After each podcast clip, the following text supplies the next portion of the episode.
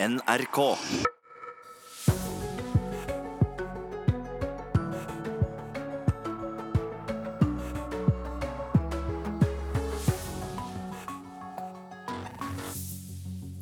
Redningsarbeiderne i Italia jobber alt de kan for å finne overlevende etter at en bro raste sammen i Genova. 31 mennesker er funnet omkommet så langt. Nyhetsmorgen er til stede også under Arendalsuka. Per Sandberg satt hele Arendalsuka på hodet i går, kuppet hele dagen og angrep mediene til slutt. Lederen for norske redaktører skal svare på kritikken. Ingen storsatsing på helse og omsorg i Kommune-Norge de siste årene, ifølge en ny rapport.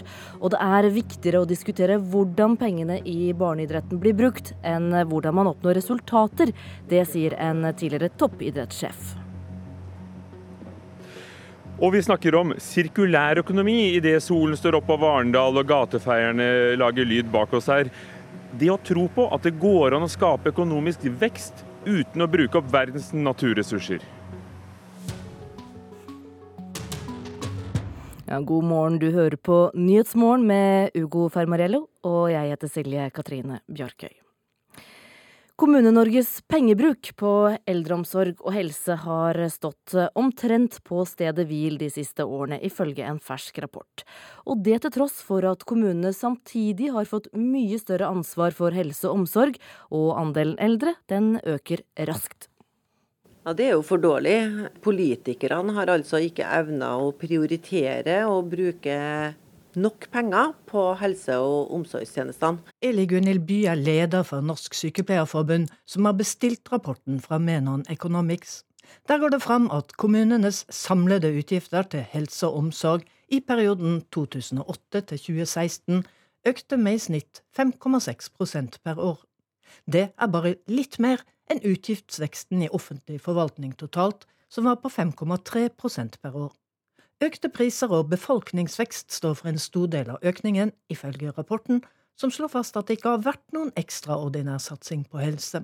Og det er altså til tross for at Samhandlingsreformen har gitt kommunene større ansvar for helsa vår, og at andelen eldre øker raskt. Det kan jo virke som at politikerne ikke har tatt inn over seg alvoret i situasjonen. Det er naturlig nok store forskjeller mellom kommunene. Iveland kommune i Aust-Agder har drøyt 1300 innbyggere, og ligger i den nedre enden av skalaen.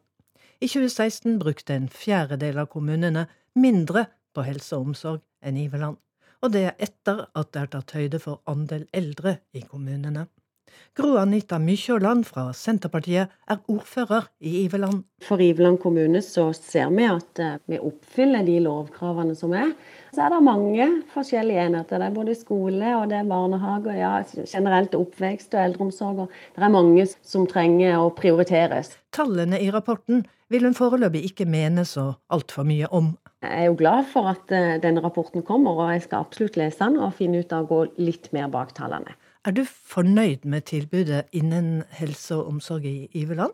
Ja, eh, jeg kan ikke si at jeg ikke er fornøyd med det. Det er alltid noen utfordringer, og det skal vi ha. De, de møter vi, men jeg opplever vel at politikerne i Iveland vi, vi har den dialogen med rådmannen og med administrasjonen i forhold til de behovene som møtes. Gunn-Marit Helgesen i kommunesektorens interesseorganisasjon KS har ingen klar formening om hva som er årsaken til at pengebruken til helse og omsorg har økt såpass lite. Ja, Det burde man egentlig spurt hver enkelt kommune om, men, eh, men kommunene har jo ansvar for nær sagt alt mulig. Så det er klart det er politiske prioriteringer. Hun mener kommunene prioriterer helse- og omsorgstjenester høyt. Men de skal også prioritere barnevern, barnehager, grunnskoler, helsestasjoner, helsesøsterordninger og eldreomsorg. Så det er jo rett og slett en politisk prioriteringsdebatt som må tas innen den enkelte kommune. Den debatten mener Sykepleierforbundet i mye større grad må handle om helse- og omsorgstjenester. Man må velge å bevilge penger til kommunene, men politikerne må også ta ansvaret her. Og faktisk prioritere å bruke penger på helse- og omsorgssektoren. Reporter her var Katrin Hellesnes. Den største fagforeningen i Telenor er krystallklar i støtten til Berit Svendsen, som leder for Telenors norske og skandinaviske virksomhet. I går fortalte NRK at konsernsjef Sigve Brekke i Telenor har tilbudt Svendsen andre posisjoner i konsernet, men de har hun takket nei til. Våre medlemmer mener at Berit Svendsen er den rette personen til å lede Telenors skandinaviske virksomhet. Det sier Espen Smistad, som er konserntillitsvalgt for El- og IT-forbundet i Telenor. Vi har fått tilbakemeldinger på at man ikke forstår hva eh, konsernsjefen tenker på når han tenker på å fjerne Berit Svendsen. Telenors konsernsjef Sigve Brekke vil ikke bekrefte overfor NRK at han har forsøkt å flytte Berit Svendsen ut av konsernledelsen. Ja, som jeg sier, så Den dialogen jeg har med, med, alle mine ledere, vil jeg ikke kommentere på. Det er noe mellom meg og dem. Men når det er sagt, så gjør Berit Svendsen en veldig viktig jobb for Telenor i den rollen hun nå har. Og vi, vi ønsker å fortsette å videreutvikle både Berit Svendsen og den jobben som hun og andre i konsernledelsen gjør. Reporter Johan B. Settem. Og du kan lese mer om dette på nrk.no.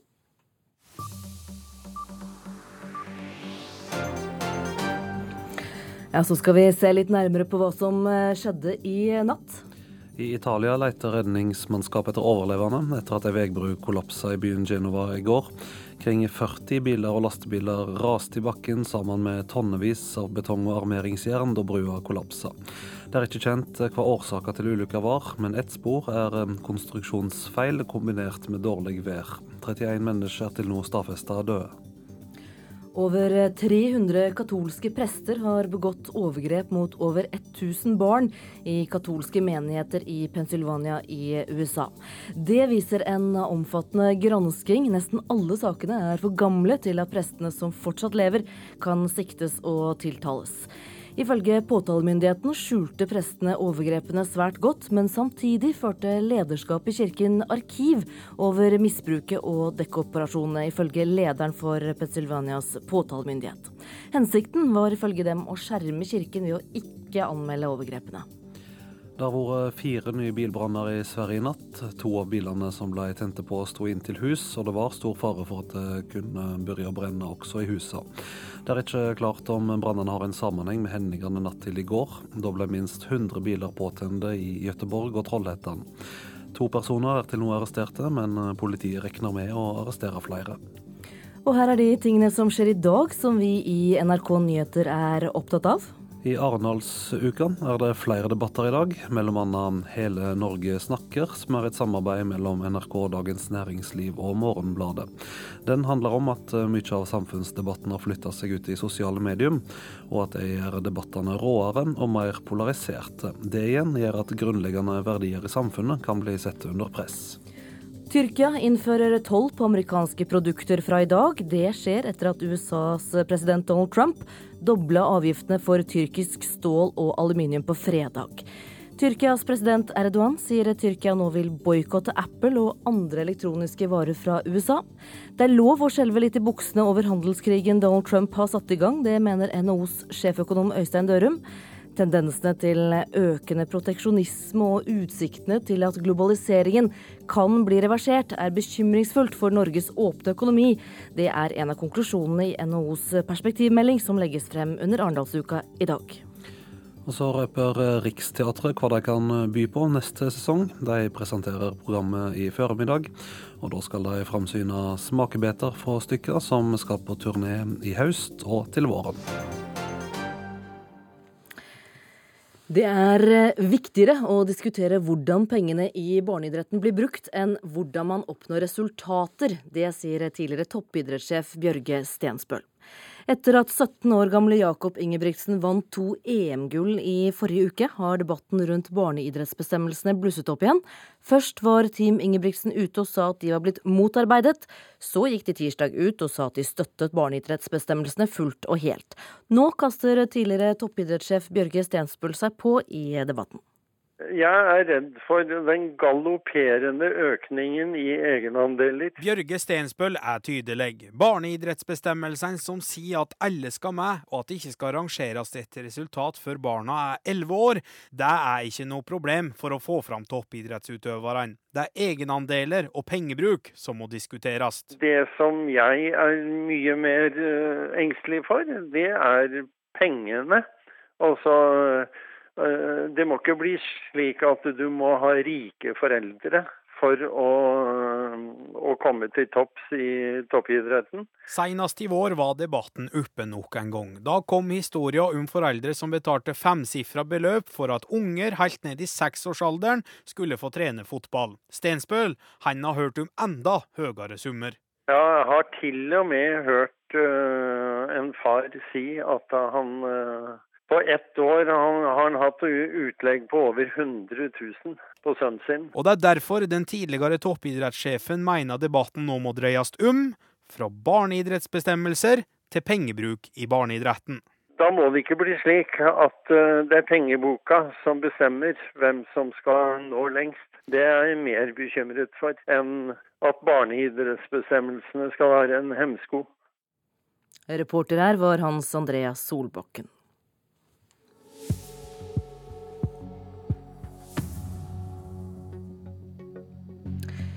Klokka er 6.43, eh, straks 44. Du hører på Nyhetsmorgen. Og eh, da, om ikke altfor lenge, så skal vi til Arendal og Arendalsuka. Der er min kollega Ugo på plass, og da skal det handle om økonomi og bærekraft. Men før det så minner jeg om eh, hovedsakene denne morgenen. For i Italia er redningsarbeidet etter brokollapsen i full gang. 31 mennesker er funnet omkommet til nå. Kommunene bruker ikke ei krone mer enn før på eldreomsorg og helse, det viser en ny rapport. Oppgavene derimot er blitt flere. Og når klokka nærmer seg sju, da blir det julestemning her i Nyhetsmorgen. For selv om det bare er august, og noen fremdeles har sommerferie, så er jula allerede på plass i butikken. Det er altså fortsatt tidlig på i Arendal, men eh, det er ikke ikke lenge til første frokostmøte, Ugo Fermarello. Her begynner folk allerede klokken halv åtte her for å, å, å snakke om politikk og, og, samfunn. Og de første morgenfuglene skal uh, i dag uh, ta for seg sirkulær økonomi. Hvordan drive forretning uten å bruke opp jordens ressurser, for det er vi i ferd med. Katrine Barth, strategisk leder og, og medstifter av interesseorganisasjonen Circular Norway. Bare der antyder vi at dette er et internasjonalt fenomen. Hva er sirkulærøkonomi, og, og hva skiller det fra vanlig lineær økonomi? Eh, I sirkulærøkonomien så er det meningen at vi skal ta vare på det vi har. Vi skal bruke mindre, og vi skal egentlig få bukt med at vi planlegger for økt forbruk og økt avfall. Uh, sirkulærøkonomien som fenomen uh, handler om at hvordan kan vi bruke mindre av jordas ressurser, og velge å bruke fornybare ressurser og gjenvunne ressurser. Og det blir litt abstrakt, men uh, Samtidig så handler det om merbruk, gjenbruk, og egentlig bare komme oss dit at vi skal ikke planlegge å putte ting inn i verdikjedene som ikke skal ut og tilbake i jorda igjen. Og dette høres kanskje ut som en liten interesseorganisasjon, men når jeg forteller at det er big business bak Frank Jektnes, eh, du er direktør i Elektroforeningen. Medlemmene deres lager alt fra lysbrytere til kabler i Nordsjøen. Hvorfor har dere som en så stor bransjeaktør vært med på å, å starte dette initiativet? Vi ser jo at eh, Elektrifisering er jo på, en del av svaret på klimautfordringen i Norge, hvor vi får ned utslippene. Og Skal vi lykkes med elektrifiseringen, så er vi nødt til å bruke ganske mye av jordas råvarer. Vi bruker mye sølv, gull og sink i produktene våre. Og vi ser i dag at eh, om ca. ti år så er vi tom for det vi kjenner av forekomster av sølv. Tror du ikke bergverksindustrien vil spa opp noen nye gruver eller åpne opp på Kongsberg igjen? Kanskje litt til, men ikke så veldig mye. Så dette er i hvert fall en utfordring som mange aktører i bransjen ser. at uh, Hvordan kan vi uh, dekke kundens behov uten å bruke opp ressursene? Og Da må man tenke kreativt. Og Det gjør jo at uh, flere av våre medlemmer, spesielt de internasjonale, de har nå begynt å se på hvordan kan vi dekke kundens behov uten å bruke så mye materiale. Hvordan kan vi Eh, gjøre om produktet til tjeneste isteden. Eh, hvordan kan vi sørge for at eh, de produktene vi får ut i markedet, de får vi tilbake og kan bruke materialene en gang til. For det vi ser er at Råvareprisene kommer til å stige kraftig i tiden fremover. Katrine Barth, Vi er jo vant etter hvert til å, særlig i Norge, ha en veldig god ordning for å, å gjenvinne elektroavfall. altså Så vi kaster ikke den gamle brødristeren, vi, vi, leverer den inn. Men hvordan hjelper dette hvis en hel verden vil ha nye brødristere og annet? La oss snu på det. I Norge er vi veldig veldig flinke til å sortere og samle inn uh, og få ting inn i kontrollerte former til en container eller til et annet sted. Men utfordringen er i Europa så vet vi at kun rundt 95% av materialet lever i bare verdikjeden én gang. Så det å øke etterspørselen og sikre at ting blir brukt en gang til, og ha systemer som gjør at vi velger materialer når vi lager brødristere, altså alle komponentene i brødristeren, behøver ikke å komme fra en råvare, den kommer fra en gjenbruksmaterial. Har du noen saftige eksempler på, på folk som har lykkes med dette? Ja, altså Vi ser jo på pionerene nå. Det er en av grunnene til at vi sier det grønne skiftet er én ting, men i det grønne skifterommet, hva gjør vi der? Og, av, og så lærte vi at sirkulærøkonomi er en av klimaløsningene. I Davos, som har gått foran, så har de plukka ut bedrifter som lykkes. Og vi ser at Ikea nå tester eh, hvordan lager vi kjøk... Hvordan kan de eh, Ikea, som er en forbruksmaskin uten like, samtidig så har de kontroll fra råvare til sluttkundene. Og når de tester på å lage helkjøkken av gammel sjøplast, og velger andre måter å tilvirke og, de hjemmene du og jeg skal bo i i morgen, eh, så har jeg veldig stor tro på at andre går foran. De som lykkes, det er de som samarbeider. For du starter liksom ikke ett sted å lage brødristeren på nytt, men du må passe på at du må vite at du må lage noe du kan ta fra hverandre når du selger. Frank Jeknes, eh, i, i, din bransje, er det noen som kan kvalifisere til å bli plukket frem av Verdens økonomiske forum i Davos? Absolutt. Eh, og En av de som allerede har vært plukka frem, det er jo Philips, som heter Signify. Eh, de har da, I Nederland har man stor fokus på sirkulær økonomi. og Der har man da inngått en avtale på Schiphol, den store flyplassen, hvor de trengte lys. og Istedenfor å da kjøpe et anlegg som ble levert én gang, så har man da inngått en avtale hvor man kjøper lystjenester. Dvs. Si at den leverandøren da blir nødt til å sørge for at det er lys der i mange mange år. Og Det fører til at uh, man har designa hele uh, flyplassen på en måte som gjør at, skal kunne, at skal, belysninga skal vare lengst mulig. Det skal være lett å oppgradere. For Alternativet ville vært at leverandøren må drive og skifte ut det hele tida. Er det virkelig mulig Katarine Barth, at vi kommer dit at vi kan gå helt rundt i sirkulærøkonomi. Altså ikke bare gjenvinne litt og, og bruke mer av det, av det, vi sorterer, men at det faktisk kan gå helt rundt og lønne seg. For det høres ut som dette ikke bare er en oppfordring til politikerne. Du, dette her er, her er forbrukeren og politikeren i hånd i hånd. Um, uh, fordi at vi, først så vet vi at Eksportmarkedene våre går sirkulært, så det er lønnsomt for de norske som bare begynner å planlegge at her er det et marked. For det andre så vet jeg at er det noen som kan få det til, så tror jeg det er Norge. For vi har finanssystemet, vi har teknologikompetansen, og så kommer vi fra et sted hvor vi egentlig kan det. Vi bare glemte det litt eh, på veien. Eh, satt her om dagen eh, Roy Jacobsen i De usynlige. Altså Vi kommer fra et ressursknapt samfunn, og det er dette vi faktisk eh, er det vi skal bidra til å skape. At vi skal få til mer ut av mindre. Og det kan lønne seg å gå helt rundt, tror du? Det må det bare. Mm. Frank Jeknes, eh, direktør i Elektroforeningen. Katrine Barth, eh, strategisk leder av Circular Norway. Lykke til med frokostmøtet nå halv åtte idet solen gryr i Arendal. Takk skal du ha. Takk for det.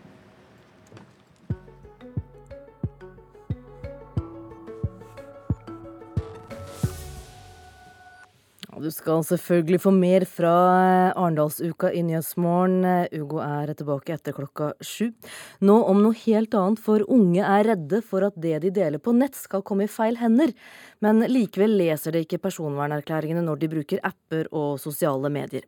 Det bekymrer Datatilsynet, som mener selskaper som retter seg mot unge må bli bedre til å forklare barn og unge hva som skjer med dataen deres når de laster ned en app eller blir med i et nettsamfunn.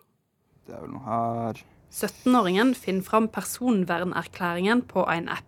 Personvern og sikkerhet. Han har ikke lest det før. Eh, nei, det gjør jeg aldri. Hva skal jeg jobbe her, da? Og han er ikke alene om det. Eh, nei, jeg tar vanligvis bare at jeg har lest de, uten å lese de. Som regel ikke, eller jeg krysser av på det, men ikke leser det, nei. Mm, noen ganger tror jeg jeg har gjort det, men det står veldig mye av sånn liten skrift. Så. Ei undersøking gjort på oppdrag for Medietilsynet viser at av unge mellom 15 og 18 år, så er åtte av ti opptatte av om apper sporer hvor de er, og lager informasjon om dem. Men likevel svarer seks av ti at de ender opp med å bruke appene likevel. Bjørn Erik Thon, som er direktør i Datatilsynet, mener personvernerklæringer ofte er for vanskelig tilgjengelige, er for lange, og at de burde være lettere å forstå. Så kom det et nytt personvernregelverk 20.07, eh, og der står det at man skal gi informasjon på en klar og tydelig måte.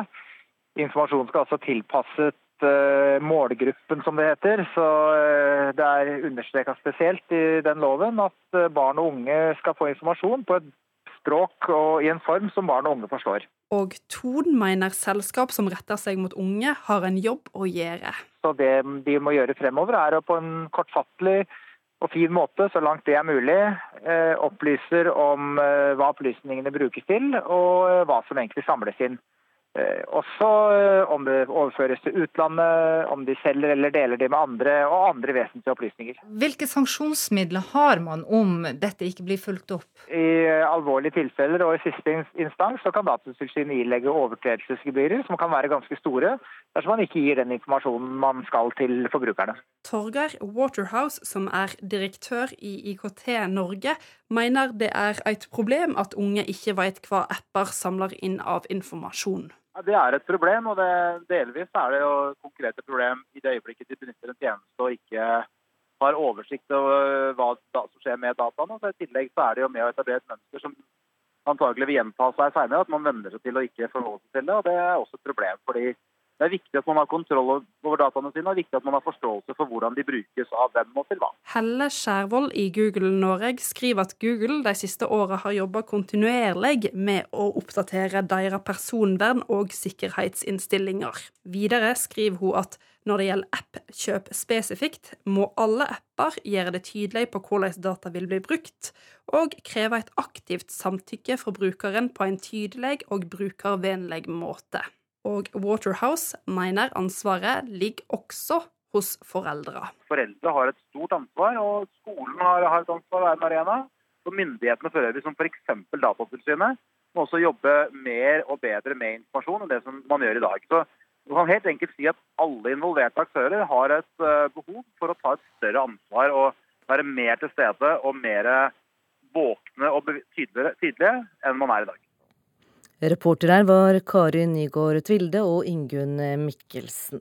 Og vi skal holde oss eh, innenfor tematikken om ungdom og skjerm, for ungdommen bruker stadig mer tid foran skjermen, eh, kulturreporter Kaja Andreassen. Hvor mye mer tid bruker ungdom foran skjermen i dag? Nei, Ifølge Ungdataundersøkelsen så har andelen jenter i ungdomsskolen med høyt skjermbruk økt nesten 10 eh, til 55% på tre år. Eh, Disse bruker skjerm over tre timer hver dag utenfor skoletid. Eh, For guttene så er veksten eh, nesten 7 til 60% skriver Klassekampen.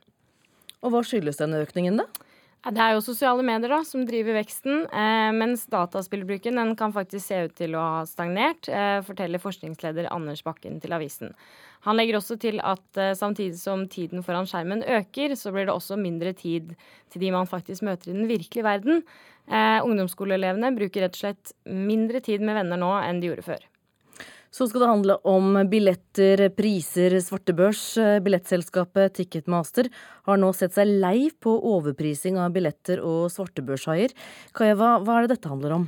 Eh, Det kan jo være lett eh, å bli lurt eh, til å kjøpe overprisede billetter på svartebørsen i dag, også mange av dem som ikke er helt ekte. Eh, Det er verdens største billettselskap Ticketmaster lei av, eh, så nå stenger de eh, nettsider for videresalg av billetter som Seatwave og Get Me In, hvor fans tidligere kunne videreselge og kjøpe billetter til utsolgte arrangementer til sky- skyhøye priser, skriver Aftenposten. Ja, Så hvordan skal fans som ikke rakk å kjøpe billetter, få tak i dem nå, da? Ticketmaster de lanserer istedenfor en egen fan-til-fan-tjeneste, der man kan videreselge verifiserte billetter. Billetten kan kun selges videre til det samme beløpet som den var kjøpt for, eller lavere. Denne tjenesten lanseres i Storbritannia og Irland denne høsten, og i Europa tidlig neste år. Takk skal du ha, Kaja Andreassen.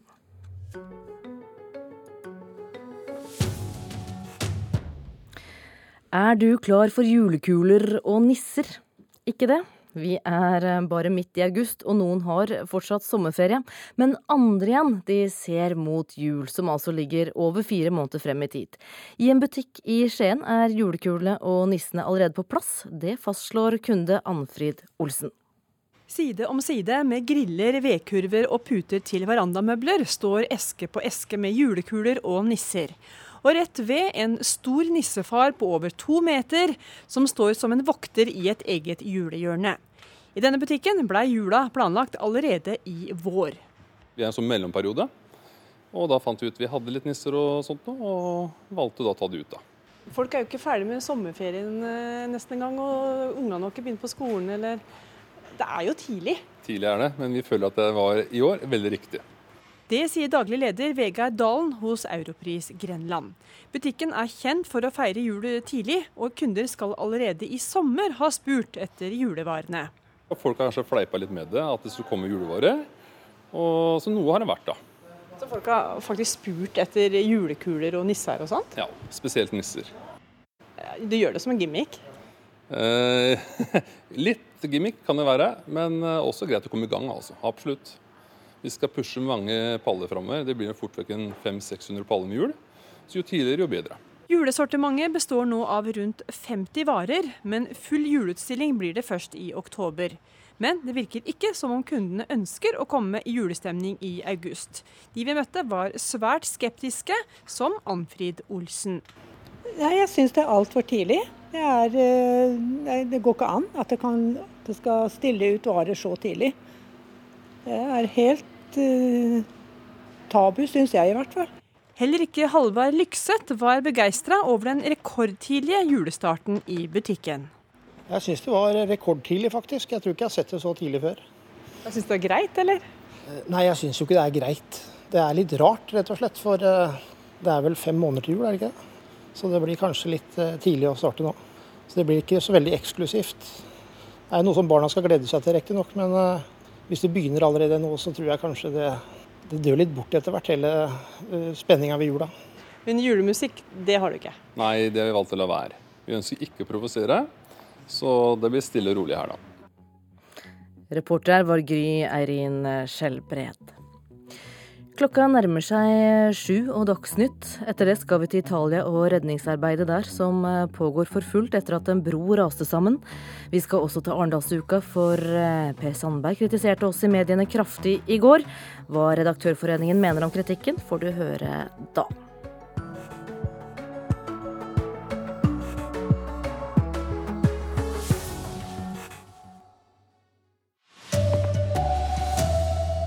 Nye bilbranner i Sverige i natt. Kommunene bruker ikke mer penger på eldre og helse, trass at de har fått mer ansvar for dette. Her er NRK Dagsnytt klokka sju. Det har vært flere nye bilbranner i Sverige i natt. Natt til i går ble kring 100 biler påtent i Gøteborg og Trollhättan. Reporter Olav Døvik i Gøteborg, hvordan har natta vært? Ja, Det har vært roligere enn det var eh, natt til i går, men eh, i Gøteborg har det altså vært eh, tre nye bilbranner på forskjellige tidspunkt. Flere av dem i samme område hvor biler ble påtent altså natt til i går. Og så har det også vært en bilbrann i Borås, som er en by som ligger litt lenger inn. Begge disse byene ligger jo da vest i Sverige. Og også på begge disse, eller alle disse brannene så har vitner også sett personer som løp fra stedet. Og brannen har startet ved at det er blitt eh, helt eh, og kastet brennbar væske på disse bilene, akkurat sånn som vi har sett tidligere. Hvorfor blir biler sett i brann? Ja, Det er jo det store spørsmålet. Eh, det er jo vanskelig å, å, vite, men det er flere teorier. Politiet i Sverige mener at uh, dette her handler om uh, unge menn som er, lever utenfor samfunnet. De stoler ikke på myndighetene. det har også tidligere skjedd at på slutten av sommerferien, rett før skolestart, så har det skjedd slike bilbranner i Sverige, men ikke av et sånt omfang som vi ser nå, hvor det virker organisert og koordinert, som vi så natt til i går, hvor det skjedde samtidig i flere byer over hele Sverige. Takk til deg, Olav Døvik i Gøteborg. Pengebruken til eh, kommunene på eldreomsorg og helse har ikke økt de siste åra, ifølge en ny rapport. Det er trass at kommunene samtidig har fått mye større ansvar for helse og omsorg, og at eh, tallet på eldre øker raskt. Ja, Det er jo for dårlig. Politikerne har altså ikke evna å prioritere og bruke nok penger på helse- og omsorgstjenestene. Eli Gunhild By er leder for Norsk Sykepleierforbund. I rapporten de har bestilt fra Menon Economics, går det fram at kommunenes samlede utgifter til helse og omsorg i perioden 2008-2016 økte med 5,6% per år. Det er bare litt mer enn utgiftsveksten i offentlig forvaltning totalt, på 5,3% per år. Kommunene har jo ansvar for nær sagt alt mulig. Sier styreleder Gunn-Marit Helgesen i kommunesektorens interesseorganisasjon KS. Hun mener kommunene prioriterer helse- og omsorgstjenester høyt. Men de skal også prioritere barnevern, barnehager, grunnskoler, helsestasjoner, helsesøsterordninger og eldreomsorg. Så det er jo rett og slett en politisk prioriteringsdebatt som må tas innen den enkelte kommune. Reporter Katrin Hellesnes, NRK Dagsnytt, Vidar Eidhammer.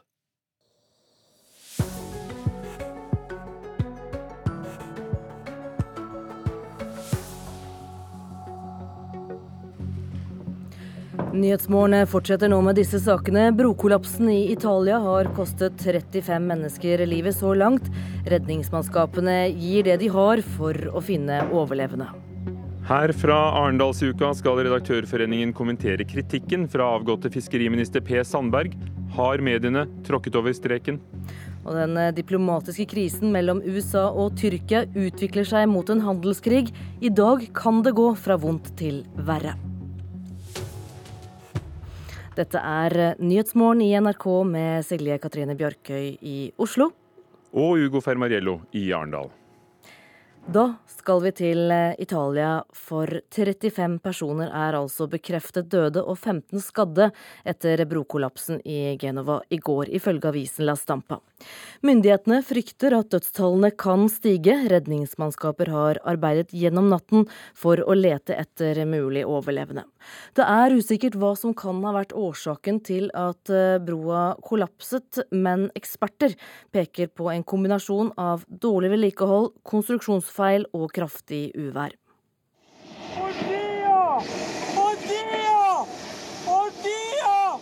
Å Gud, å Gud, roper de som fanget opp brokollapsen i Genova i går på sitt kamera.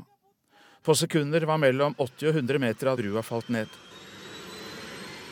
Redningsmannskaper har jobbet gjennom natten i håp om å finne overlevende.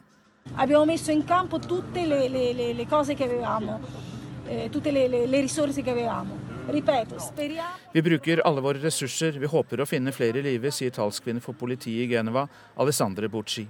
Occorre che la manutenzione sia ancora più stringente, le verifiche siano ancora più Vedlikeholdet må bli mye bedre. Vi må forhindre slike tragedier, sier Giuseppe Conte, Italias statsminister.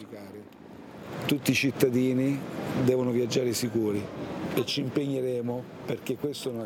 Alle borgere av Italia må reise trygt, sier Conte. Vi må forhindre at noe slikt kan skje igjen. Og det letes etter årsakene til tragedien. Været og broens alder er mulige forklaringer. Lokale medier skriver om at et kraftig regn og tordenvær de siste dagene kan ha vært medvirkende. Broen, som går over en sentral del av Genova, forbinder motorveiene A10 og A7. Den ble påbegynt i 1965 og sto ferdig i 1967, og er oppkalt etter den italienske ingeniøren Riccardo Morandi, som konstruerte en rekke broer i Italia på 1960- og 1970-tallet.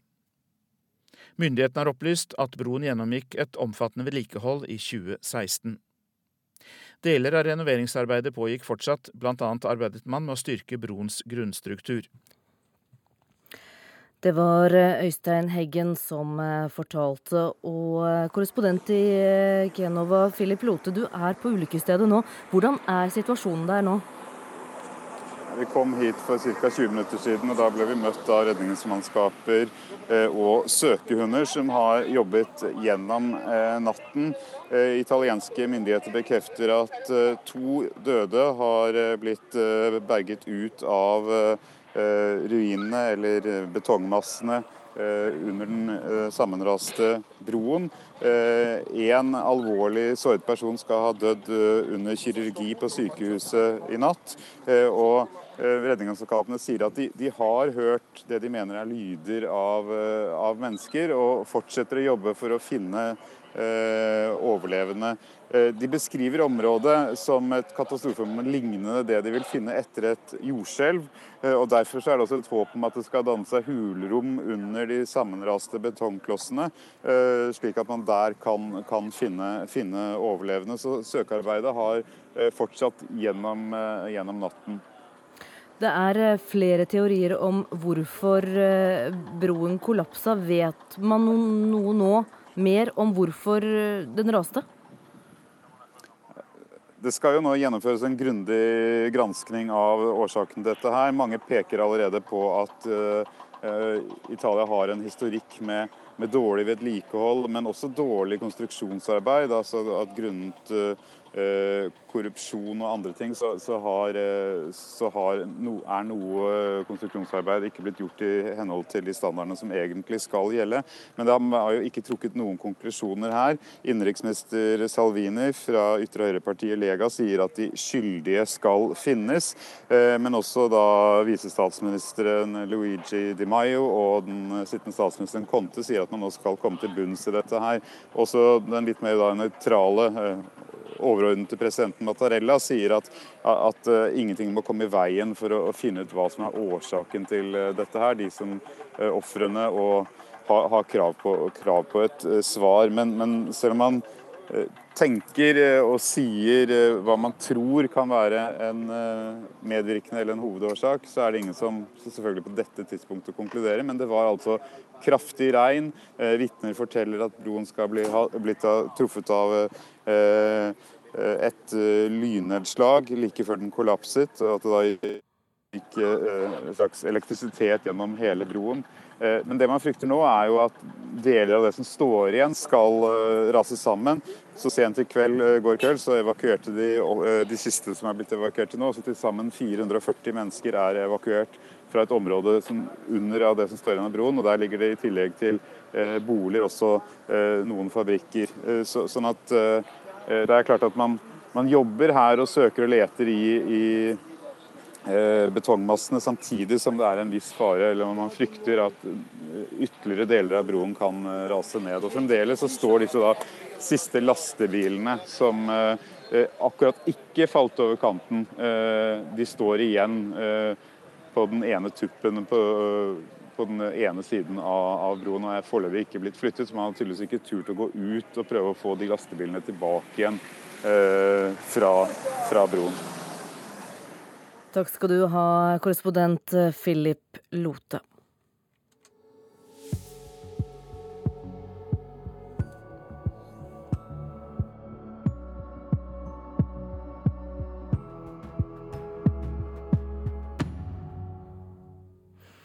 I går kveld holdt eh, Per Sandberg sin mye omtalte pressekonferanse. Hvordan foregikk det, Ugo Fermarello? Det var jo da på kvelden klokken ni at eh, det hele begynte rett bortenfor her eh, vi står i vårt flytende studio i Arendal på en kafé, som PR-byrået Gambit eh, holder hus i, og det var de som også sto for utspørringen og, og selve arrangementet. Men det var jo et salig leven hele dagen av rykter. Politiske journalister gikk uh, husimellom her og, og, spekulerte i vil det skje i Arendal, vil det skje i Oslo. Først var det snakk om klokken 15, så klokken 16, og så var det snakk om klokken 8. Og hva med partilederdebatten? Uh, det summet mellom de gamle trehusene i Arendal, og så ble det klart altså. Klokken 21 på Madam Reiersen skulle det hele foregå. Han ble utspurt aller først av TV 2s gamle politiske redaktør Stein Kåre Kristiansen, som nå da jobber for Gambit med dette oppdraget her. Sandbergs kjæreste Bahare Letnes var også med, og hun har også tidligere kalt det hele en heksejakt. For det var den ramsalte kritikken mot måten media har dekket Iran-reisen hans og alt rundt det han fremførte. Vi skal høre litt av hva Sandberg sa i går. Norsk media, norsk presse, dere har nærmest henretta denne kvinnen. Mister jobbene sine. Alt mulig forsvinner. Og det har NRK stått i spissen for. Statskanalen vår har vært verst i forhold til det. Og TV 2 nummer to. Dette oppgjøret skal vi komme tilbake til. For som jeg sier til Dagbladet i dag, vi har ikke hatt tid og muligheter til å summere opp denne debatten, men det skal vi gjøre med, sammen med noen advokater som ikke har norsk statsborgerskap. Det var Per Sandberg i går kveld under pressekonferansen. Arne Jensen, generalsekretær i Norsk redaktørforening, velkommen. Takk skal du ha. Nå har vi fått høre Sandbergs versjon. Han fikk også en del spørsmål fra journalister etterpå. Hvilke tanker gjør du deg om medias dekning av saken? Jeg vil først si at Det er ikke vanskelig å forstå at eh, både Per Sandberg og kanskje særlig Bahara Letnes eh, har opplevd dette som en svært ubehagelig prosess. Å stå i det medietrykket som de har unektelig stått i, i over en viss tid. Så at de reagerer og, og, har, og, har, behov for å fortelle hvordan de har opplevd dette, det, det, er det ikke vanskelig å skjønne. Så er det litt vanskelig å forholde seg til, til Sandbergs kritikk. En ting er at den er voldsom, eh, en annen ting er at den er jo ikke veldig konkret. Eh, og sånn som jeg ser det, jeg har ikke lest alle artikler, har ikke hørt alle innslag, men jeg opplever jo at mediene her har eh, i, i stor grad gjort jobben sin og stilt relevante spørsmål knyttet til Sandbergs rolle som statsråd. Og Sandberg og, og Letnes har fått rik anledning til å svare på spørsmålene og imøtegå dem. Eh, men noe av grunnen til at, det blitt, eh, at dette har pågått eh, over tid, at, er jo også at Sandberg har svart på spørsmålene på en slik måte at det har avfødt nye spørsmål. Så, så jeg syns det er vanskelig å se at, at hovedinnretningen på mediedekningen har vært har, ikke har vært relevant og, og, og, og riktig. Og nå vil det jo kanskje komme mer gjennomgang. Han sier han vil bruke advokater for å se på sider av saken og sider av dekningen. Sandberg beskylder også media for å ha jaget etter kjæresten hans. Eh, Bahare Letnes, og, og mener media lett etter koblinger med Iran som ikke finnes. og Hun, hun sa jo selv at dette var he, helt absurd, at media nærmest hadde insinuert at hun var en, en spion. Eh, hvilke overtramp mener du media har gjort jeg vet ikke om noen konkrete overtramp uh, som, som, er gjort. Det kan godt hende at, uh, at det er gjort uh, feil og ting som er kritikkverdig. Men dersom Sandberg og, og, Letnes mener det, så vil jeg jo anbefale at de bringer dette inn for Pressens faglige utvalg, som er klageorganet vi har for, for den type ting. Og så får vi vurdert det. Ordentlig. Men er dere redaktører alltid så kaldblodige at det blir en balansert dekning? For det trykket er jo enormt. Og, og, og Letnes er en privatperson som ikke er vant til å stå i medienes eh, søkelys. Så PFU det kom jo etter at skaden eventuelt har skjedd. Er redaktørene alltid, eh, har redaktørene alltid hodet kaldt? Nei, eh, og det må vi bare innse at i det, i, den, i det, trykket som har vært nå, så er det fullt mulig, og det kan godt hende også, at det er gjort ting som man i ettertid ser kanskje ikke skulle vært gjort. Men jeg sliter med å se de konkrete tingene som er publisert. Eh, av det som er kommet ut, som, som, eh, som eh, er klare overtramp. Det, det, de har jeg ikke funnet, og de er heller for så vidt ikke påvist, så vidt jeg skjønner, fra Sandbergs side. Det er jo veldig lite konkret det han, det han har kommet med. Takk skal du ha. Arne Jensen, generalsekretær i Norsk redaktørforening. Håvard Grønli, du leder Politisk kvarter. Ja, hva skal det handle om der? ja, Det er jo et par ting som har kommet til den gårsdagen, gårsdagen, kan jeg love deg. En kan jo på en måte tenke seg at eh, med det som skjedde denne veka og en omstridt statsråd som gikk av, så kan en eh, se for seg at denne regjeringa lever tryggere. Eh, Sandberg har jo bl.a.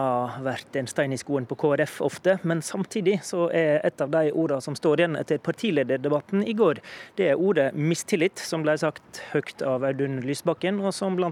KrF må forholde seg til.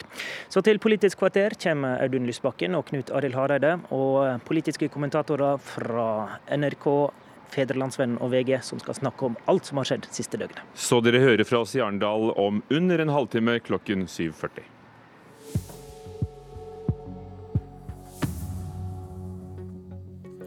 Og nå har eh, klokka blitt 7.16. Eh, du hører på Nyhetsmorgen, og dette er hovedsakene i dag. Forholdet mellom Tyrkia og USA kan bli verre i dag, eller bedre. Det hele kommer an på om en omstridt pastor blir utlevert fra USA i dag.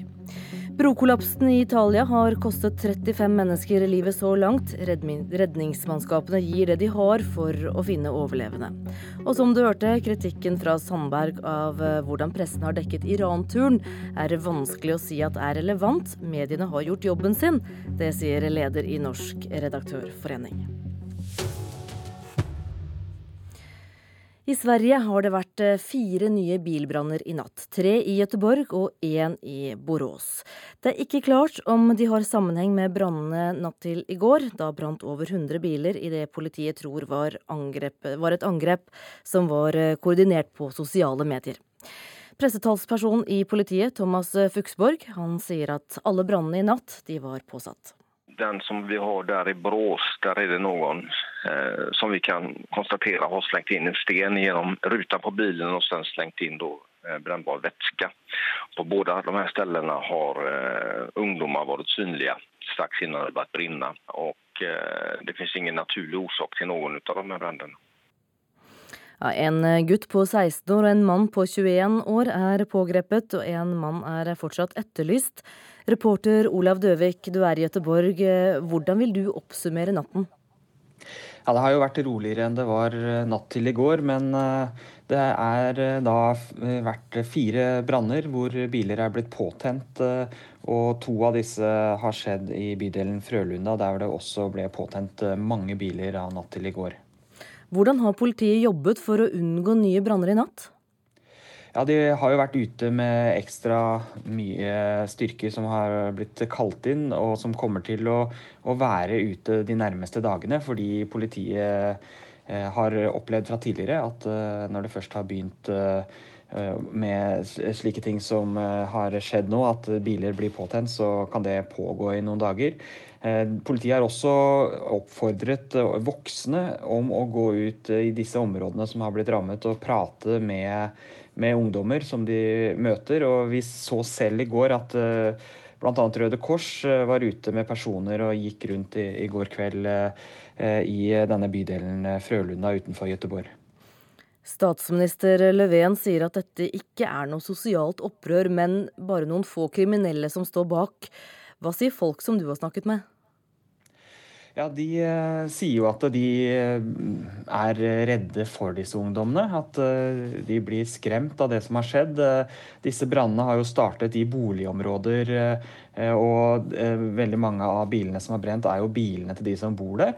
Så de, for det første så har de jo tapt eh, mye penger på det, og for det andre så, så blir mange skremt. Det har vært voldsomme branner, mye varme, og det er blitt påtent. og og også mange barn eh, bor i disse områdene, og foreldrene og barna blir jo skremt når dette skjer. Eh, de vi har snakka med, kaller det, det som at de trodde at det var en krig som hadde brutt ut. Dette er jo også områder hvor det eh, bor mange innvandrere. Politiet kaller flere av disse områdene hvor det har begynt å brenne, for særlig utsatte områder. Hvor det også da, ifølge politiet, har vært slike bilbranner eh, tidligere. Spesielt da på slutten av eh, sommerferiene har de sett det før skolestart at eh, det blir ofte både hærverk mot skoler og også da biler som blir påtent på denne måten. Ja, Foreløpig så er to arrestert og én etterlyst. Hvorfor tror politiet at dette var koordinerte branner?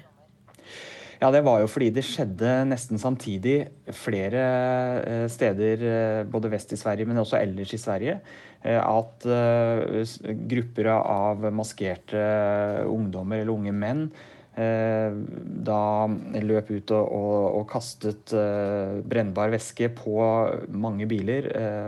og, og de Eh, dette var jo da aksjoner som lignet på hverandre, og som skjedde nesten samtidig. Så politiet tror at dette har blitt koordinert på en eller annen måte via sosiale medier. Olav Døvik i Gøteborg, takk skal du ha.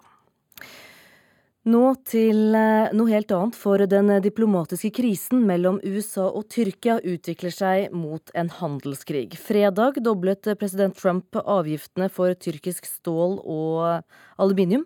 Nå svarer Tyrkia og president Recep Tayyip Erdogan med å boikotte Apple og andre elektroniske varer fra USA, og eh, øker samtidig tollen på flere importvarer fra USA, som da ris, kjøretøyer, alkohol, kull og kosmetikk.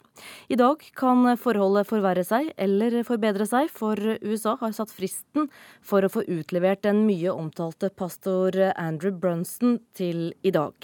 Korrespondent Sissel Wold, minn oss nå først på hvilken rolle denne pastoren spiller.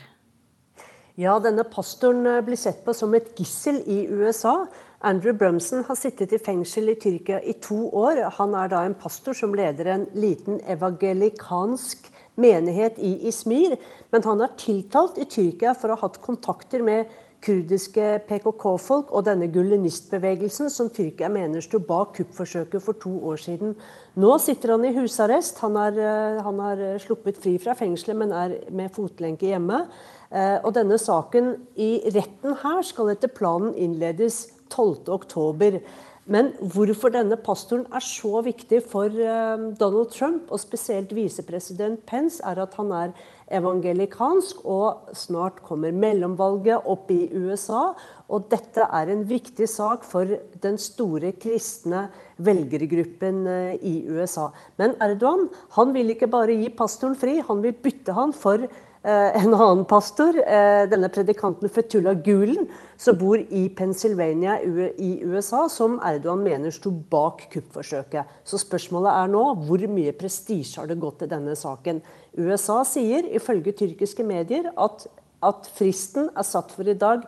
Utlever pastoren, ellers så får dere se hva som skjer. Men denne boikotten av amerikanske varer, eh, hvordan skal da Erdogan gjennomføre den? Ja, Det er jo et interessant spørsmål. For her bruker jo alle iPhone og Mac. Men Erdogan sier at det er ok, de har iPhone, men vi kan bruke Samsung. Og vi har også et par tyrkiske produkter som kan brukes. Eh, noen peker da på at Erdogan nettopp på kuppnatten juli 2016 brukte iPhone FaceTime for å komme i kontakt med folket sitt på TV. Og det var antageligvis det som reddet ham den kuppnatten. Eh, noen tror at Tyrkia kan innføre dobbel toll på Apple-produkter og andre, amerikanske produkter, slik da, da Trump har innført eh, på tyrkisk stål og aluminium. Eh, Erdogan sier også nå at folk har forbud mot å drive og tvitre om at den tyrkiske liraen faller sånn. fordi at hvis de tvitrer masse om dette, så faller den enda mer. Så han kaller de som tvitrer om dette, for eh, svikere. Men USA da, de kom med nok en reaksjon mot Tyrkia i går? Ja, fordi Tyrkia er jo en Nato-alliert av USA. Og Tyrkia hadde planer, skal kjøpe 100 F-35 jagerfly. Men i går så undertegnet Trump en avtale som utsetter eller fryser Tyrkias kjøp. Og dette er jo ganske spesielt, nettopp fordi begge disse landene er viktige i Nato. Og det er de to landene som har de største hærene i Nato. Så USA er også irritert for at Tyrkia kjøper rakettsystemer fra Russland, så det er en del av dette. Men det store spørsmålet, da. Er det noe som tyder på at de to presidentene vil komme til å bli enige? Ja, Vi kjenner jo begge Donald Trump og Recep Tayyip Erdogan. Det er to menn som har store selvbilder. Ingen av dem har for vane å gi seg eller liker å underkaste seg andres meninger. Så spørsmålet er i hvilken eh, grad de fortsetter denne dragkampen. Eh, I går advarte USA og Tyrkia om at de, vente, de kan vente seg ytterligere økonomisk press, altså les flere sanksjoner, hvis de nekter å utlevere denne pastoren. Så folk holder litt pusten her i dag.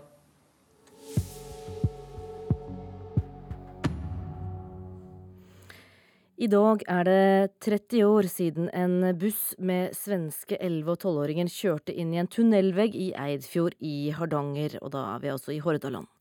Klasse 6B fra Kvarnbakka skole i Kista var på vei til Shetland på skoletur da bremsene på bussen sviktet på den verst tenkelige stedet, i stupbratte Måbudalen.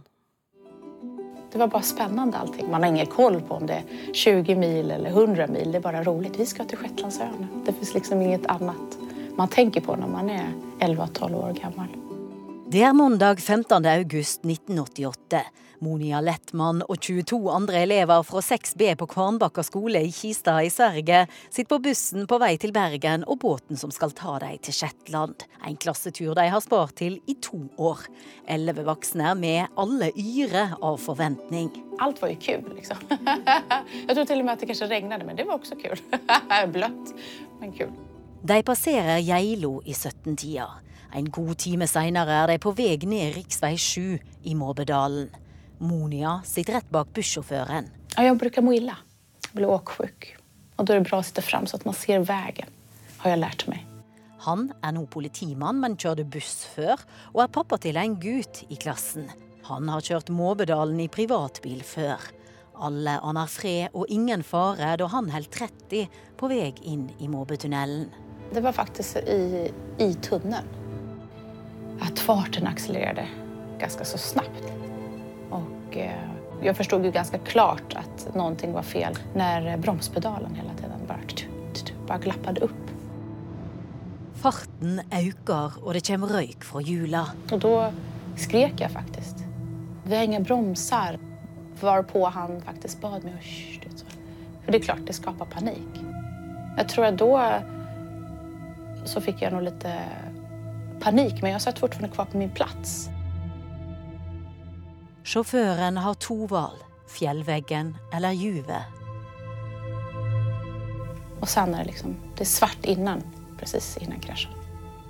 Klokka er 18.32. Fire minutter seinere ringer en trailersjåfør politiet og varsler om ulykka. Han har kjørt bak bussen, vinka til de glade ungene i bakvindauga. Nå ligger alle fastklemte i det forvridde vraket framfor han. Lydene er hjerteskjærende. Jeg vaknar opp og sitter fast, kommer jeg ihåg. Sitter fast med mina ben, jeg kan ikke røre dem. Och jeg minns ikke så mye bakåt i bussen. Utan jeg ser jo chauffören sitter ju liksom fast så her, kan man säga. Og jeg er precis bakom honom, men sen så vet jeg ikke mer. Jeg løp upp, kom opp, og så rundt svingen här og så såg jeg tunnelåpningen och bussen som stod der, knust. Bare gikk jeg opp og inn i bussen. Jeg klatret gjennom et vindu. Og der var det jo fullt kaos, uoversiktlig. Og så måtte jeg gå fra person til person da, og så prøve å gjøre meg opp med mening om hvem som var død, hvem som var levende, hvem som var kritisk, hvem som var osv. Det er spesielt. Jeg vet ikke. Den unge legen er Klaus Haga, kirurg ved Bærum sykehus. Han og alle trør til. I alt 100 personer er med i redningsarbeidet, i tillegg til brannfolka, politiet, ambulansene, luftambulansene og et Sea King-helikopter.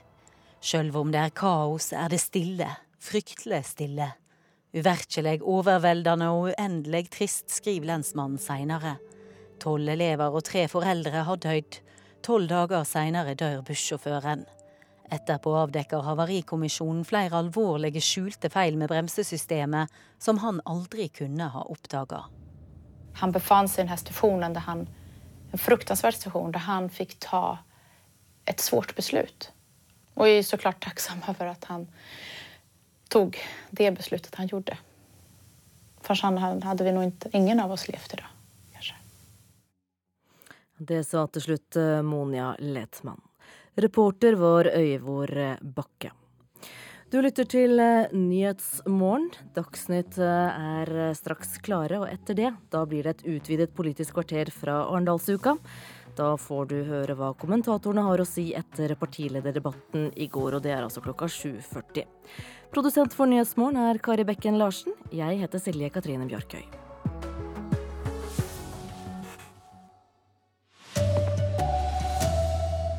Desperat leiting etter overlevende etter brukollapsen i Italia. Minst 35 mennesker mista livet. Norsk media har gjort jobben sin i dekkinga av Per Sandberg-saka, mener Norsk redaktørforening. Og nå er det jul igjen, i alle fall om en skal tro på utvalget i en butikk i Telemark. Ja, jeg syns det er altfor tidlig. Det er helt uh, tabu, syns jeg i hvert fall. Her er NRK Dagsnytt klokka 7.30. I Italia er 35 mennesker stadfesta døde etter brukollapsen i Genova i går, ifølge avisa La Stampa. Styresmaktene frykter dødstallene kan stige. Redningsmannskap har jobba siden i går med å finne mulige overlevende. Abbiamo messo in campo tutte le, le, le, le cose che avevamo. Eh, tutte le, le risorse che avevamo. Vi bruker alle våre ressurser. Vi håper å finne flere i live, sier talskvinne for politiet i Genova, Alessandre Bucci. Occorre che la manutenzione sia ancora più stringente, le verifiche siano ancora più Vedlikeholdet må bli mye bedre. Vi må forhindre slike tragedier, sier Giuseppe Conte, Italias statsminister. Tutti i cittadini devono viaggiare sicuri. Alle borgere av Italia må reise trygt, sier Conte. Vi må forhindre at noe slikt kan skje igjen. Og det letes etter årsakene til tragedien. Været og broens alder er mulige forklaringer. Lokale medier skriver om at et kraftig regn og tordenvær de siste dagene kan ha vært medvirkende. Broen, som går over en sentral del av Genova, forbinder motorveiene A10 og A7. Den ble påbegynt i 1965 og sto ferdig i 1967, og er oppkalt etter den italienske ingeniøren Riccardo Morandi, som konstruerte en rekke broer i Italia på 1960- og 1970-tallet. Myndighetene har opplyst at broen gjennomgikk et omfattende vedlikehold i 2016. Deler av renoveringsarbeidet pågikk fortsatt, bl.a. arbeidet man med å styrke broens grunnstruktur. Reporter Øystein Heggen. Korrespondent eh, Philip Lote i Genova, hvordan vil du skildre situasjonen på ulykkesstedet nå? Vi står eh, rett ved broen som kollapset, og fremdeles så har de ikke turt å flytte bilene som eh, akkurat ikke veltet over. Står fremdeles står igjen av, av, broen. Og redningsmannskaper har jobbet gjennom natten for å se om de fremdeles kan finne overlevende og, og berge ut uh, døde. Og da vi kom hit eh, mellom halv syv uh, og syv i dag tidlig, så ble vi møtt av brannkorps, redningsmannskaper og, og søkehunder som var på vei inn og ut av ulykkesstedet. Har en nå kommet noe nærmere med å finne ut hva som var årsaken? Det er for tidlig, og myndighetene, både presidenten og, den uh, sittende regjeringen med statsminister og to visestatsministre, har sagt at uh, de vil finne årsaken. Innenriksminister Matteo Salvini har rett og slett sagt at man skal finne de, de skyldige, eh, og har vel allerede nærmest politisert dette litt ved å si at EU eh, e ikke skal kunne begrense eh, hva Italia investerer, hvor mye Italia investerer. Altså, han har jo lenge ment at EU legger budsjettbånd på Italia, og at man derfor ikke får investert der man skal i infrastruktur. Men allerede for noen, del, noen år siden så var det snakk om å rive denne broen, for det var knyttet såpass store problemer til den, som vi hørte Høystein Heggen rapportere så var det gjennomført store renoveringsarbeider i 2016. og Fremdeles så jobbet man med eh, å styrke fundamentene til broen da ulykken skjedde. Vitner sier at eh, det var tungt tungt regnfall, at broen skal bli truffet av et lyn like før den eh, kollapset. Men det skal jo en eh, motorveibro kunne tåle. Takk til deg, korrespondent Philip Lote i Genova. Norsk media har um, ikke gått over uh, grensa i uh, dekking av Per Sandberg-sakene. Det mener generalsekretæren i Norsk redaktørforening, Arne Jensen.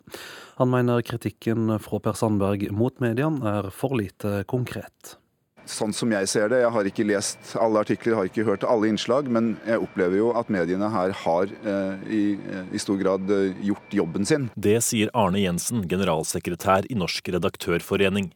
Det som skulle være en pressekonferanse med adgang til spørsmål for pressen i Arendal i går, ble i stedet en samtale mellom Per Sandberg og to PR-rådgivere. Dere har nærmest henretta denne kvinnen. Per Sandberg var ikke nådig overfor pressen og måten Iran-saken har blitt dekket på. Men den fordømmelsen som har skjedd overfor Bahareh, en kvinne som har én ambisjon her i livet, det å drive butikk handel mellom Norge og Iran og andre land. Mens alle dere har holdt på nå i ukevis for å finne den tråden som ikke eksisterer, og knytte denne kvinnen opp imot det iranske regimet, iransk etterretning osv. Dette er tøys, og det har NRK stått i spissen for. Statskanalen vår har vært verst i forhold til det og TV 2 nummer to. Uten å kjenne til konkrete eksempler, utelukker ikke Arne Jensen at pressen kan ha tråkket feil i denne saken. Det kan godt hende at, eh, at det er gjort eh, feil og ting som er kritikkverdig. Men dersom eh, Sandberg og, og Letnes mener det, så vil jeg jo anbefale at de bringer dette inn for Pressens faglige utvalg, som er klageorganet vi har for, for den type ting. Og så får vi vurdert det. Reporter Andreas Hagen Haakonsen, og det blir mer om alt det som skjedde i Arendal i går. Pressekonferansen til Sandberg og partilederdebatten i Politisk kvarter i P2 rett etter Dagsnytt.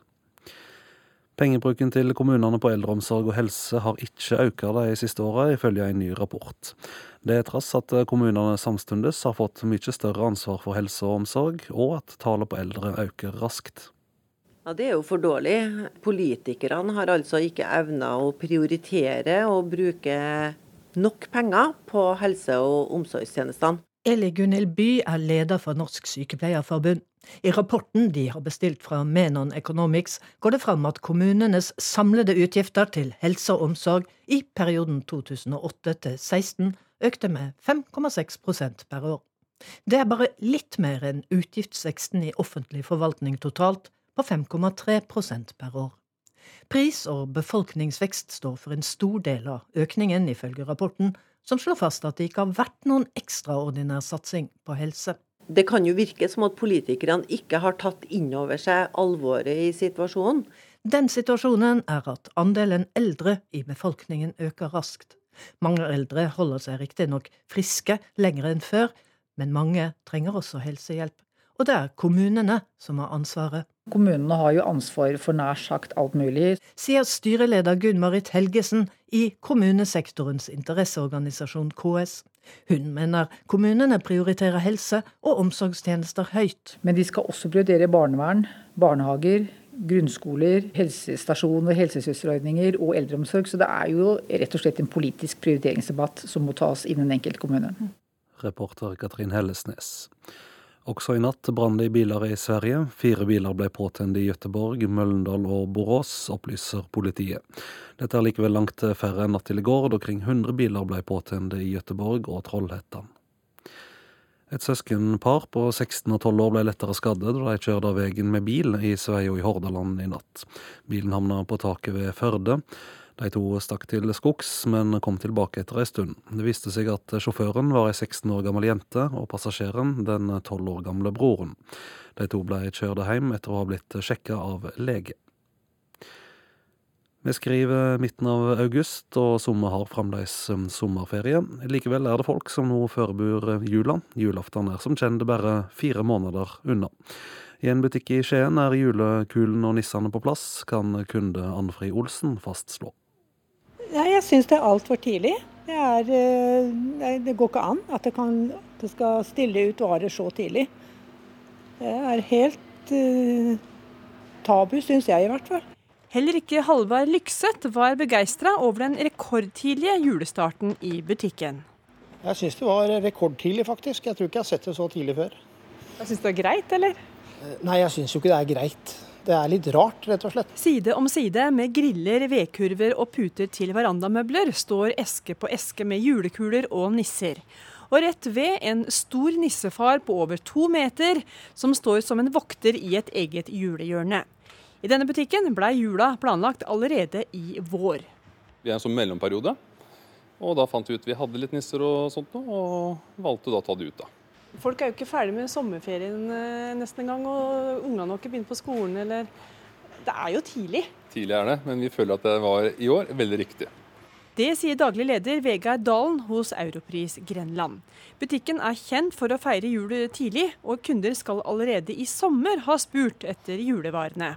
Folk har kanskje fleipa litt med det, at det skulle komme julevarer. Og så noe har det vært, da. Så folk har faktisk spurt etter julekuler og nisser og sånt? Ja, spesielt nisser. Du gjør det som en gimmick? Eh, litt gimmick kan det være, men også greit å komme i gang, altså. Absolutt. Vegardalen til reporter Gry Eirin Skjelbred. Ansvarlig for sendinga Erlend Rønneberg, i studio Vidar Eidhammer.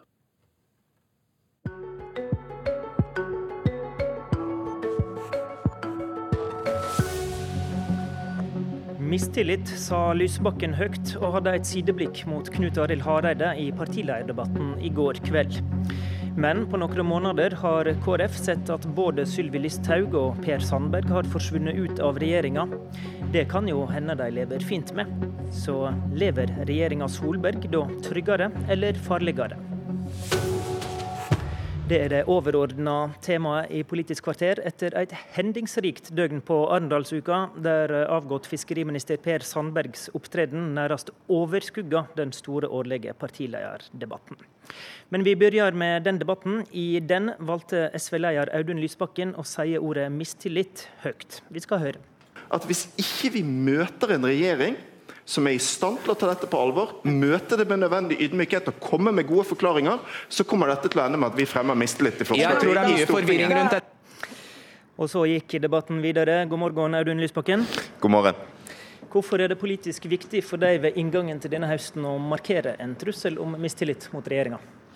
Ganske enkelt fordi regjeringen både i går og før sommeren har møtt Riksrevisjonen sin knusende kritikk når det gjelder terrorsikring og beredskap, med mener jeg total mangel på ydmykhet. Derfor var det nødvendig å si det i går for å understreke alvoret i denne saken. Det står altså i rapporten fra Riksrevisjonen at Justisdepartementet og Forsvarsdepartementet ikke har ivaretatt sitt overordnede ansvar for samfunns- og statssikkerhet. Og så hører vi to partiledere fra regjeringen som igjen og igjen bare er selvfornøyd og skryter av det de har gjort. Dette handler om grunnleggende sikkerhet for folk i Norge. og Derfor så er vi klar på at møter ikke vi en regjering med en helt annen holdning, så kommer dette til å ende opp med at vi fremmer forslag om mistillit. Ok, men en, Hvor langt har en gått eh, i SV i å konkludere med at det blir et mistillitsforslag, da? Nei, Vi har ikke konkludert. Vi skal gi regjeringen en sjanse til å komme til Stortinget og forklare seg. Eh, der vil vi være særlig opptatt av å finne ut hvorfor regjeringen ikke har kommet med tilstrekkelig tilstrekkelige kompenserende tiltak eh, fram eh, til nå. Vi vil være opptatt av å finne ut om Stortinget fikk korrekt og nok informasjon da regjeringen var hos Stortinget forrige runde i fjor. Og så vil vi være opptatt av at regjeringen har en holdning til dette der de tar det på alvor, og ikke snakker bort en veldig alvorlig kritikk fra Riksrevisjonen. Denne regjeringa har tillit fordi den har et flertall i Stortinget bak seg, som KrF sikrer. Hva ansvar mener du Audun Lysbakken hviler på KrF i vurderinga av denne saka? Altså min eh, oppfordring til KrF er å være frisinnet. Dvs. Si, eh, gå til eh, den debatten her og den prosessen vi nå skal ha i Stortinget med det alvor som innholdet krever. Det mener jeg at KrF har gjort til nå. Jeg ber selvfølgelig ikke KrF konkludere nå. Vi skal også vente med vår endelige konklusjon til vi har gått grundig gjennom Eh, rapporten og regjeringen sine svar. Men jeg håper jo at eh, KrF vil gå til det med et åpent sinn, og ikke frede regjeringen på forhånd. God morgen, Knut Arild Hareide. God morgen. Er du frisinna og våken? Eh, det er jeg, vet du. Mm. I den debatten vi snakka om eh, i går, så eh, sa jo Lysbakken det vi først hørte, som han har utdypa nå. Og så sa Rødt-lederen at han har sans for mistillit. Mens Ap-leder Støre nå sier til Dagsavisen i dag at åpner for å vurdere mistillit. mistillit. Hva tenker du når du hører alt dette? Jeg tenker at vi skal ha en veldig viktig høring i Stortinget 27.8. Eh, dette er en av våre sak. Det er ikke mine ord, det er altså Riksrevisjonens ord. De bruker ordet svært alvorlig. Det er de sterkeste ordene riksrevisoren kan bruke om en sak. Og han bruker òg dette opp mot fare for liv og helse. Eh, og det alvorlige er jo at eh, vi ser at grunnsikringen av objektene er jo ikke i henhold til sikkerhetsloven. En lov som òg det har vært denne regjeringa som har lagt fram, fått vedtatt i Stortinget. Og det Lysbakken nevner her, dette med at det ikke er gode nok det er ikke engang lagt gode nok planer, samarbeid mellom justissektoren og forsvarssektoren. Okay. er ikke alvorlig. Så, så, det er en alvorlig sak. Men å begynne å diskutere konklusjoner mm -hmm. før vi har hørt regjeringens svar, og nå har ikke regjeringen uttalt seg om denne, altså Statsministeren første gang hun uttalte seg om denne saken, var i går, rett nok på dagtid. Hun uttalte seg òg om saken i går i en hektisk debatt, og det var ikke gode nok svar. Men hun skal få mulighet til å gi alle sine svar i Stortinget. Det forstår jeg. Men Lysbakkens poeng her når han sier frisinna, det er vel om KrF eh, klarer å ta stilling til denne saka utelukkende ut fra faktum i saka, og uten å ta omsyn til f.eks. egen strategi om retningsvalg. Er det mulig? Ja, det må jo vi gjøre. Det er jo vår oppgave i Stortinget. Vi er satt som eh, kontrollorgan. Eh, det er en av våre oppgaver i Stortinget. Vi er nødt til å se på denne saken fullt og helt som den saken den er, og med det alvoret den har. Eh, og nettopp det å ikke knytte det opp til en strategiprosess i KrF er i seg sjøl viktig. Det er jobben vår, eh, og det må vi gjøre. Men å begynne å konkludere før vi har hørt eh, regjeringens svar, det gjør vi naturlig ikke. Det gjorde vi heller ikke da det var en annen regjering.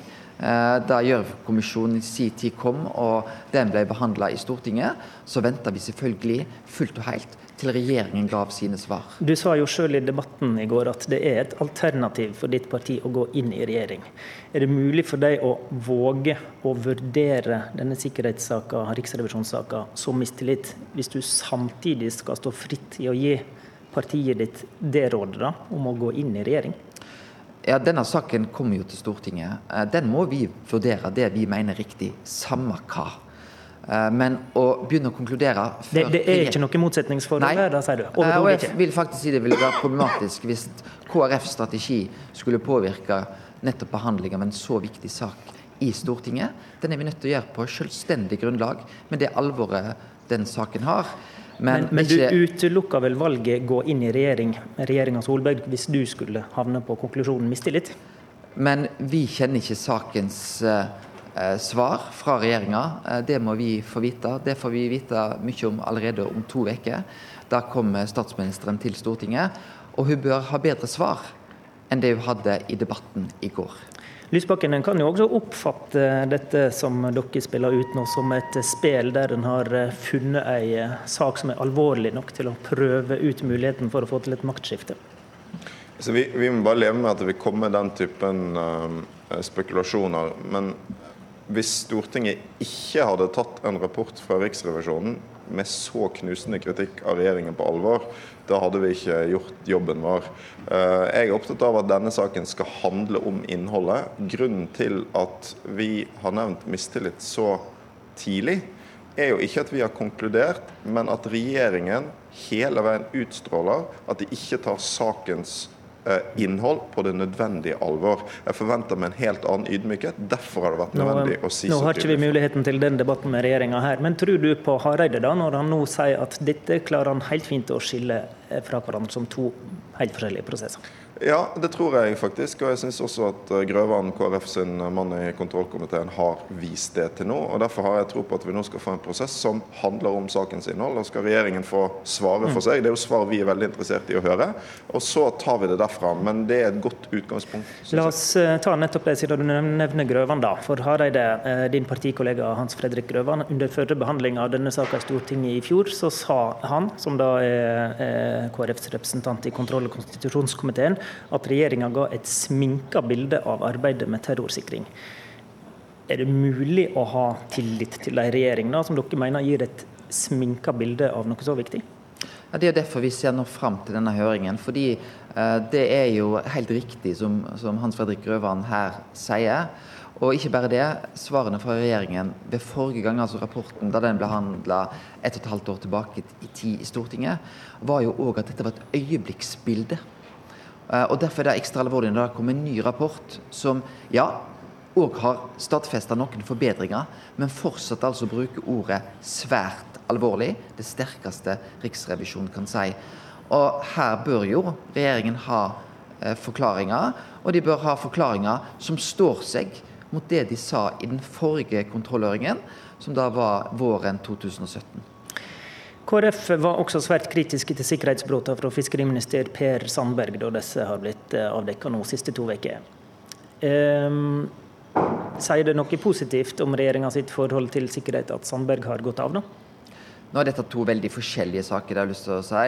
Eh, jeg er enig med de mange som har sagt at det var klokt av Per Sandberg å gå av. Håndteringen av saken har jo òg eh, vært av en type som gjort, har gjort at det har kommet fram nye element nesten fra dag til dag. Og jeg tror at eh, alle som har fulgt den saken, så at det var kanskje ingen annen utvei. Og det var regjeringen sjøl som tok det initiativet. Er regjeringa blitt mer spiselig for KrF? Det er klart at Denne saken i seg selv har jo vært problematisk, brudd på, på sikkerhetsloven. Så jeg har lyst til å si at Fiskeriminister Per Sandberg eh, var òg en statsråd som det var enkelt å ha kontakt og dialog med, og finne fram til politiske løsninger. Eh, men jeg tror likevel at det som eh, regjeringen gjorde, var helt riktig. Men det endrer ikke KrFs forhold til regjeringa? Nei, det er ikke hvem som sitter som fiskeriminister som, som avgjør den type valg for, for KrF. Eh, det er nok en mer overordna tenkning som avgjør det. Og Vi skal ikke legge vekt på at det kom en måke og prøvde å skitne oss til akkurat under det siste resonnementet. Men vi sier takk til Knut Arild Hareide og Audun Lysbakken. Abonner på Politisk kvarter som podkast og få sendinga rett til din mobil. Sånn er det å sende utendørs. Vi får inn eh, tre politiske kommentatorer. NRKs eh, Magnus Takvam, eh, Vidar Udjus fra Fedrelandsvennen i Kristiansand og Astrid Mæland fra VG. Magnus Takvam, Du mener den politiske dagsordenen er endra nå. Forklar. Nei, Det som har skjedd eh, etter ferien, med både kombinasjonen av denne Sandberg-saken som fikk sin konklusjon eh, nå eh, i løpet av de siste dagene, og hele debatten om sikkerhet, har jo gjort at vi har fått et annet fokus i den offentlige samtalen om politikk fra å handle om Arbeiderpartiets problemer, som har vært tilfellet stort sett hele det siste året etter valgnederlaget til Arbeiderpartiet, og over til et mer kritisk søkelys på regjeringen. Og jeg tror kanskje det er det, vikt, det, det viktigste aspektet ved det som har skjedd. Jeg, jeg, er langt fra sikker på om dette ender opp eh, i en regjeringskrise, slik eh, bl.a. Audun Lysbakken antyder. Dette, så dette mistillitsbegrepet kan være tomme ord? Nei, altså det Men, men det er eh, Både Jonas Gahr Støre og eh, andre i opposisjonen er jo opptatt av å få fram at denne regjeringen som eh, Solberg leder, sitter svakt i Stortinget. Inntrykket har jo i løpet av det siste året vært nærmest det motsatte.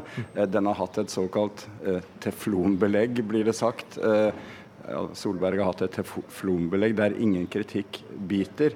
Men jeg tror det er strategisk viktig både Støres forsøk på å antyde at det kan komme regjeringskrise, eh, slik han gjorde i intervjuer nylig, og også kjøret i denne sikkerhetssaken, eh, er en del av det bildet om å eh, snu fortellingen om en sterk regjering og få fram dens reelle situasjon i Stortinget, som, som jeg er inne på.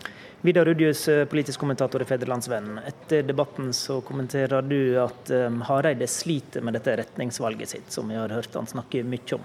Blir det verre for han når diskusjonen om mistillit som vi nettopp har hørt, kommer opp?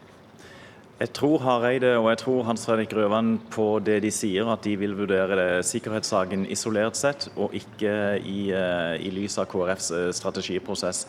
Eh, men den kan nok eh, vanskeliggjøre KrFs strategiprosess i den enden eh, av denne prosessen, fordi at KrF sliter tungt med dette i utgangspunktet. Vi er nå i landsdel hvor, KrF er preget av konservative krefter som gjerne vil gå til borgerlig side. I andre deler av landet så er det et mer radikalt KrF som ikke vil samarbeide forpliktende med Fremskrittspartiet. Men, men, igjen så tror jeg KrFs ledelse vil prøve å holde disse to prosessene adskilt, og det er da først utover høsten i november at partiet endelig skal konkludere i retningsvalget. Så hørte vi eh, Hareide være høflig med Per Sandberg her eh, nå, men eh, kan det bli lettere eh, for regjeringa at Per Sandberg er ute? Han har jo tidvis hatt et krevende forhold til f.eks. For KrF.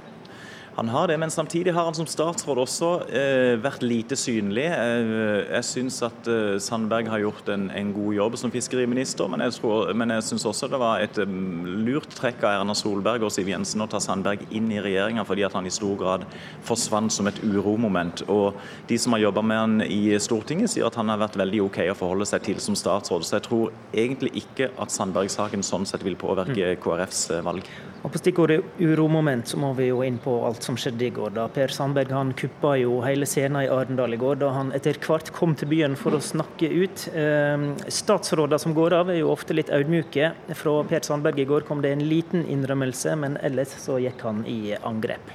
Og Jeg tar den kritikken som jeg har fått, helt riktig i forhold til varsling og mobiltelefon. Men den fordømmelsen som har skjedd overfor Bahareh, en kvinne som har én ambisjon her i livet, det å drive butikk, handel mellom Norge og Iran og andre land, som har en ambisjon om kulturutveksling mellom Norge og Iran. Det er det eneste hun har gjort. Norsk media, norsk presse, dere har nærmest henretta denne kvinnen. Det ble først og fremst et angrep på eh, media. Eh, Sandberg klarte å stjele showet fra Støre og Erna og resten av eh, gjengen, skriver du Astrid Mæland i VG. Det er det ingen tvil om. Er dette ei sak som er over nå, når han har gått og har fått snakka ut, eller er det fortsatt politisk sprengkraft her? Det kommer an på hva som kommer fram eh, i fortsettelsen. Det kan jo være at eh, PST finner på den telefonen, det kan være vi får vite om det, det kan være vi ikke får vite om det. Og eh, Når det gjelder Sandberg sin framtid, så ser det ut som det er han som har regien på det. Hvis han vil ha en ny pressekonferanse, så er jeg sikker på at eh, media stiller. Det kan hende vi møter opp da og skal innrømme det. Eh, du skrev først for et par uker siden, når dette begynte, at denne saka bare var ei lita stingsild. Men det er to uker siden. Så gikk det gale for regjeringa og Sandberg. Hva gikk egentlig gale?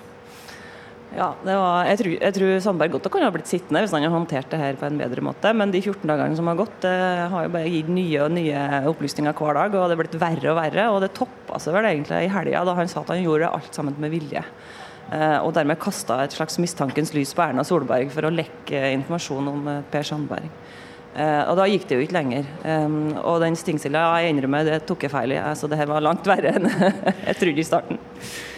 Vidar Udjus, eh, du kobler eh, denne saken til, til FrPs framtid. Eh, du har skrevet at med Per Sandbergs avgang så åpner en spørsmålet om FrPs framtid. Hva mener du med det? Fordi at nestlederposten nå er ledig, og vi har i dag vi hatt, har hatt to nestledere som ikke tilhører FrPs framtid. Og da er spørsmålet om Sylvi Listhaug da kommer inn og blir i første runde konstituert som første nestleder.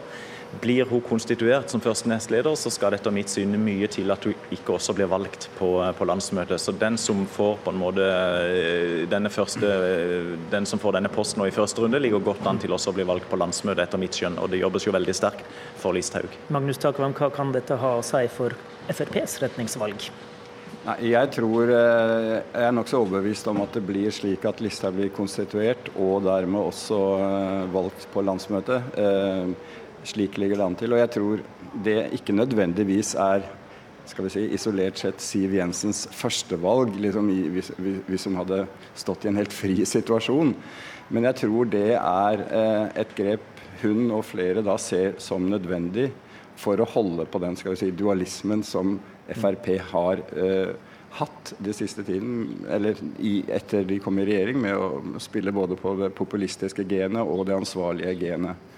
Eh, så er det klart at hvilken sprengkraft det har etter hvert inn i et eh, regjeringssamarbeid som er skjørt fra før, er, er, jo også det spennende. Ikke bare den interne prosessen i Frp, men hvordan det påvirker f.eks. partiet Venstre, som jo har gått inn i mm. regjering. Og Astrid Mæland, nå har vi jo hørt at opposisjonen kobler det som Sandberg gjorde, med denne riksrevisjonsrapporten, og det vi diskuterte først her. Eh, er det relevant, eller er det en politisk overdrivelse? Uh, Hareide sa vel egentlig her i stad at det ikke hørtes, hørte helt sammen. Og jeg tror det, det er rett. Uh, objektsikring og heimevernssoldater i Norge er noe annet enn kan kanskje være litt sikring borti Iran der òg, men det er noe annet.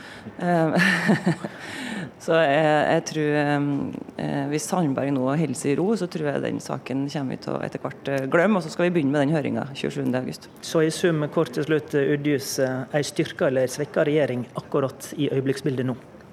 Akkurat i øyeblikket nå svekker regjeringen, men det tidene forandrer seg fort. og Det neste store som skjer, er da 27.8-høringa i Stortinget. Takk Vam. Styrka eller svekka regjeringen akkurat nå? Nei, Den er eh, svekket. og som jeg har vært inne på, Det viktigste tror jeg er dagsorden som preger debatten både om regjering og om opposisjon. At den er snudd til opposisjonens fordel i øyeblikket. Meland. Eh, nøytralt, det tror jeg ikke er noe særlig svekka. Nå har ikke Arbeiderpartiet sagt noe i hele sommer. De skal jo snart begynne å snakke, dem, og da kan det snu. Takk til eh, Astrid Mæland, politisk kommentator i VG, Magnus Takvam, politisk kommentator her i NRK, og Vidar Udjus, politisk kommentator i Fedrelandsvennen. Du har hørt Politisk kvarter fra Arendalsuka, programleder Håvard Grønli.